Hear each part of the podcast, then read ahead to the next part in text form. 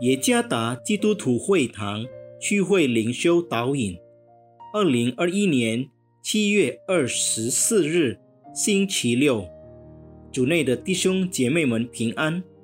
今天的灵修导引，我们要借着圣经启示录二章十节来思想今天的主题：至死忠心。作者古沙拉传道，启示录二章。十节，你将要受的苦，你不用怕。魔鬼要把你们中间几个人下在监里，叫你们被试炼，你们必受患难十日。你勿要自始忠心，我就赐给你那生命的冠冕。变化是在我们的世界上唯一确定的事情。我们经常经历变化，无论是年龄、体型等等，或者我们的感受也可能是善变的。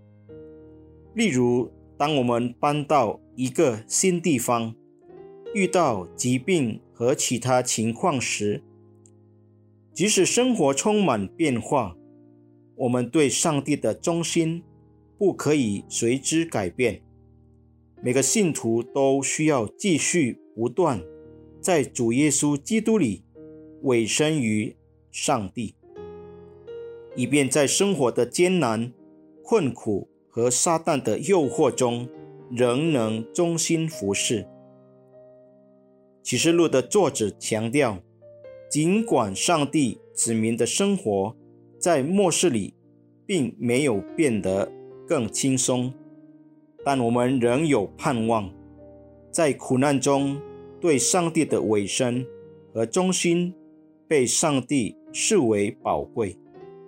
我们每个侍奉基督的人都将被赐予生命的冠冕。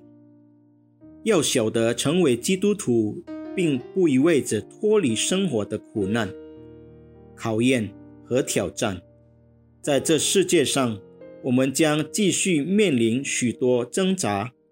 然而，作为侍奉基督的门徒，即使生活充满苦难，也要保持忠心，因为我们的上帝是信实的神，他的位格、应许和话语永不改变。情况可以改变，但对上帝的忠心不可改变。愿上帝赐福弟兄姐妹们。